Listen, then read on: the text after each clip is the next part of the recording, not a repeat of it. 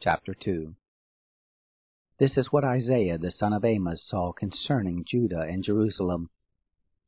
It shall happen in the latter days that the mountain of the Lord's house shall be established on the top of the mountains, and shall be raised above the hills, and all nations shall flow to it. Many people shall go and say, Come, let's go up to the mountain of the Lord, to the house of the God of Jacob, and he will teach us of his ways, and we will walk in his paths. For out of Zion the law shall go forth, and the word of the Lord from Jerusalem. He will judge between the nations, and will decide concerning many peoples, and they shall beat their swords into plowshares, and their spears into pruning hooks.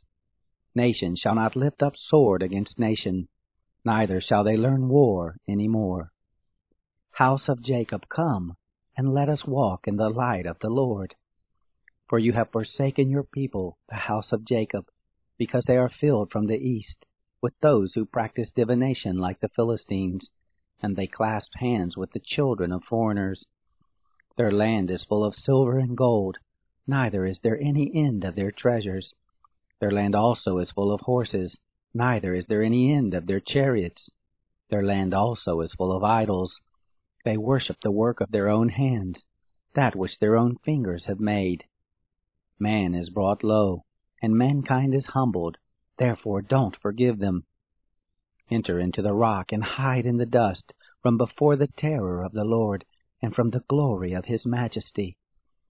The lofty looks of man will be brought low, the haughtiness of men will be bowed down, and the Lord alone will be exalted in that day.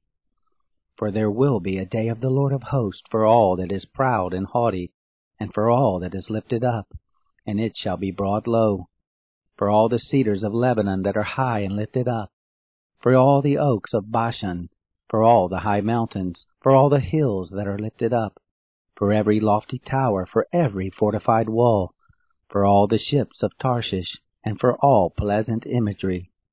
The loftiness of man shall be bowed down, and the haughtiness of men shall be brought low, and the Lord alone shall be exalted in that day.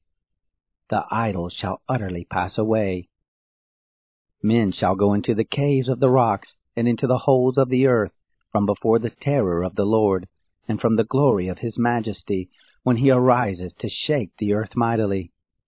In that day men shall cast away their idols of silver and their idols of gold, which have been made for themselves to worship, to the moles and to the bats, to go into the caverns of the rocks, and into the clefts of the ragged rocks, from before the terror of the Lord, and from the glory of his majesty, when he arises to shake the earth mightily.